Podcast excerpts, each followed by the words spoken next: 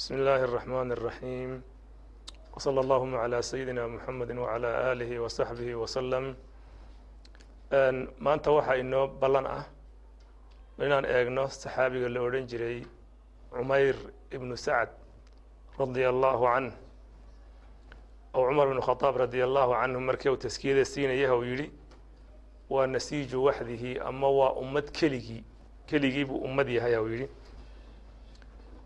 cumayr ibnu sacad wuxuu ahaa wiil yar oo reer madiinaada ansaar oo qoladii nebiga soo dhoweysay calayhi salaatu wasalaam buu ka soo jeeday. Isagoo yar buu aabihii geeriyooday. Wuxuu ku soo barbaaray markaa agoontinimo muddadii yaraantiisii agoon buu ahaa aanan aabba lahayn. Hooyadiina wax manti oo haysay ma jirin waxay reer faqiir ay ahaayeen. Laakiin nasiib wanaaggiisa hooyadii waxaa guursaday nin maalqabeen ahaa oo la odhan jiray jullaas ibnu aws la odhan jiray ayaa guursaday oo raggii ugu maaragtay qanisanaaya la odhan jiray jullaas ibnu suweyd markaa wiilkiibuu kafaalo qaaday isaga ayaa markaa hayey caruurtiisa ayuu ku daray. Wuxuu kala kulmay markaa cumayr ibnu sacad jullaas ilaashimow ilmo la ilaaliyo iyo dhowrsooni iyo xifiditaan ilmo la xafdo kii ugu wanaagsanaa sida waalidku ilmihiisa u xafido ayuu ula dhaqmay markaa jullaas ibnu suweyd cumayr. Maadaama caruurtiisuu la walaal yahay xaaska jullaasow qabana hooye ayay u tahay markaa kuwiisi iyo kanba iyadaa wada dhashay oo hooye u wada ah. Laakiin waxyaalaha uu ku jeclaa jullaas waxaa ka mid ahayd wuxuu ka arkayey calaamado muujinaya caqli badi maskax fiicnaan firfircooni acmaashiisa ama hawl kastuu qabanayo oo wiil yaroo ku wanaagsan yahay waxaa ka mid ahayd sifooyinka uu ku jeclaa ammaanada ouna waxba khaa'imayn runta ouna marna been sheegayn taasoo ka muuqata buu leeyahy tasarufaadkiisa ama howlgalkiisu siday u dhan yihiin. Xilligii cahdigii nebiga calayhi salaatu wasalaam markuu yimid iyagoo sidaa ku nool cumayr ibnu sacadna hau yahay wiil da'yar oo markaasi reer madiinaada oo loo yaqaano uun cumayr ibnuljullaas ibnu suweyd loo yaqaano oon looba oqoonin maxay dahay cumayr ibnu sacadan loo oqoonin oo ibnu maaragtay toban jir ah ayuu markaa islaamay cumayr. Iimaankii baa markaa qalbigiisa fadhiistay isagoo caruura. Qalbiga caruurnimo waad garanaysaan waxyaalaha yaraanta qofka laga dhaadhiciyo ama qalbigiisa galaay weynaanta kagama tago. Shayga yaraantii kugu soo mara weligaa ma ilowdid. Markaa wuxuu qalbigiisii waxa fadhiistay iimaankii islaamka ayaa fadhiistay. Diintii islaamka ayaa iimaankii baa qulubtiisii dhex fadhiistay. Wuxuu noqday markaa wiil iimaanka ka soo nuurayo qalbigiisa ka soo nuurayo. Oo iimaanku ka soo ifayo qalbigiisa ka soo ifayo. Noloshiisu waxay noqotay markaa nolol aad u wanaagsan oo xagga diinta ugu wanaagsan. Laakiin arrintaas kuma ayna keenin wax dhibaato ah. Xaggii jullaas iyo xaggii hooyadii midna wax dhibihi kagama aynan imanin. Laakiin wiilkaa ilaahay subxaana wa tacaala wuxuu la damcay inuu imtixaamo. Imtixaankii ugu adkaayo abidkii soo mara imtixaan dhallinyarada maanta hadday soo marto hanase uga soo kabtaan ay adkaan lahayd baa soo maray. Dhallinyarada maanta imtixaan soo mara kii ugu adkaa ku ka adag baa soo maray. Waxaa laga yaabaa da'diisa wiil yaroo toban jira. Imtixaan noocaasi haddii uu soo maro siduu uga soo kabtaa inay adkaato. Sanadkii sagaalaad hijradu markay ahayd baa nebigu calayhi salaatu wasalaam wuxuu iclaamiyey duulimaad lagu qaadayo rome oo lagu xoraynayo bilaadu sham lagu xoraynayo oo muslimiinta dhammaantood loogu talagalay markaa inay ka qayb galaan nin kastoo awoodi karaya inuu ka qayb galo. Nebigu calayhi salaatu wasalaam markuu jihaad galaya ama qaswo qaadaya ama meelahu dagaal ku qaadaya ama weerar ku qaadayo uu qarin jiray. Caadadiisa nebiga waxaa ka mid ahayd meel heblaayaan weerarayna ama ku duulayna ma una odhan jirin. Asxaabta wuxuu odhan jiray un diyaargalooba waa la baxayaa. Meesha loo baxayo nin kasta isagoonan garanaynin bay nebiga raaci jireen calayhi salaatu wasalaam meesha markaa loo jihaysto unbay marka dambe hay ku baraarugi jireen.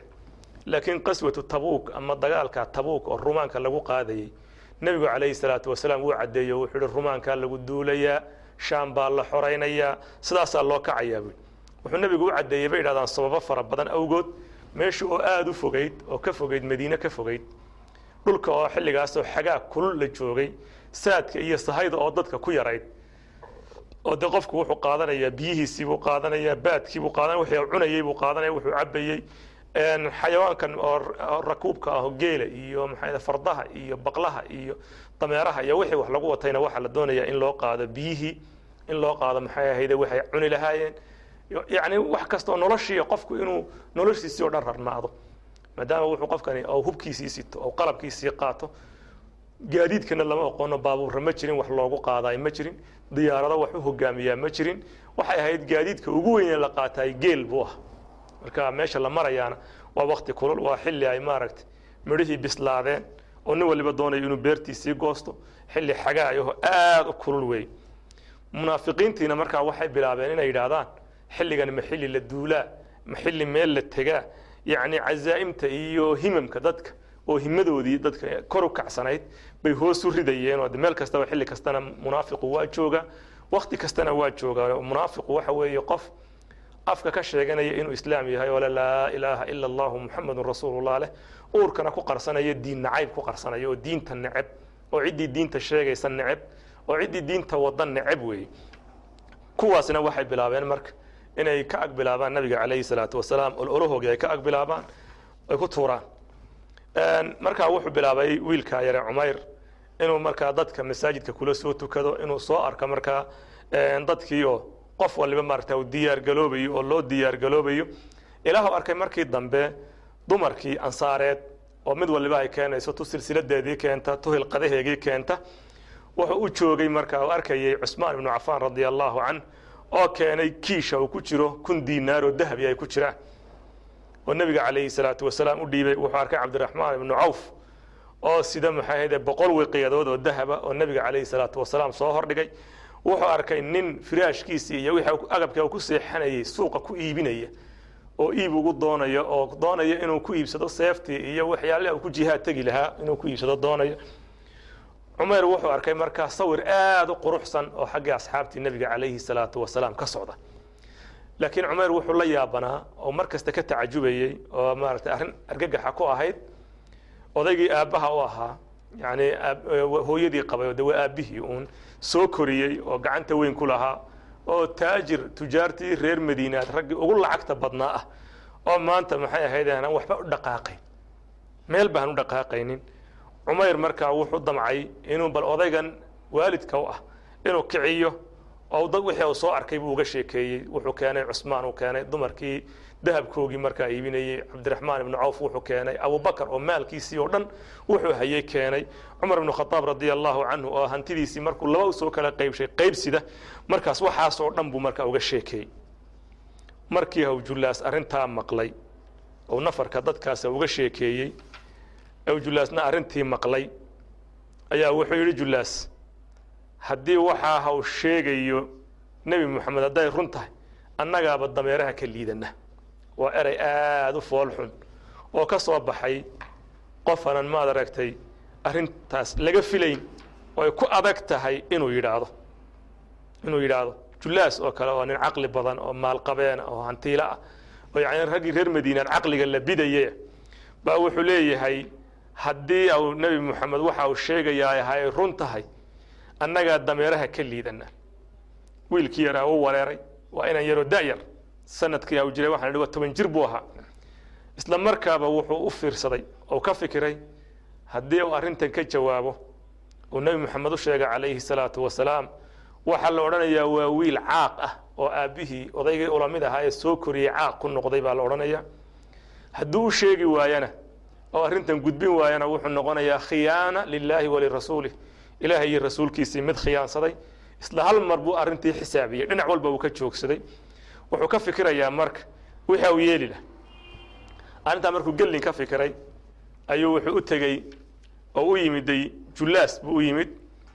Wuxuu yidhi markaa julaasow arrintaa afkaaga ka soo baxday arrin aan filaynay ma ahayn. Arrin qof islaama laga filayeyna ma ahayn laakiin an adigu waxa tahay buu leeyahay qofka xaggayga ugu wanaagsan een ugu door bidayo cid walbaan ka doorayaa tahay. Kii soo koriyey baa tahay. Haddii markaa aan ku sheegoon arrintaadaa sheegana dee waan ku fadeexadaynaya haddii aan ka aamusana diintaydii baan halaagayaa iyo naftaydii baan halaagayaa nebi moxamed calayhi salaatu wasalaam iyo diintiina waan khiyaansanayaa ogsoonow buu yidhi marka inaan arrintaas aan u sheegayo calaa bayina ahow. Ha kuwa caddaata arrintaasi. Inaan nebi moxamed calayhi salaatu wasalaam warkaagaa gaadhsiinayo war kuu cad ha ahaado. Waxa dhacay marka wiilkii yaraa cumayr wuu tegey cumayr bnu sacad radia allahu canh. Wuxuu u tegey ila nabiyi sala allahu calayhi wasalam nebiga ayuu u tegey calayhi salaatu wasalaam. Wuxuuna uga warramay wixii uu ka maqlay julaas ibnu suwayd wixii uu ka maqlay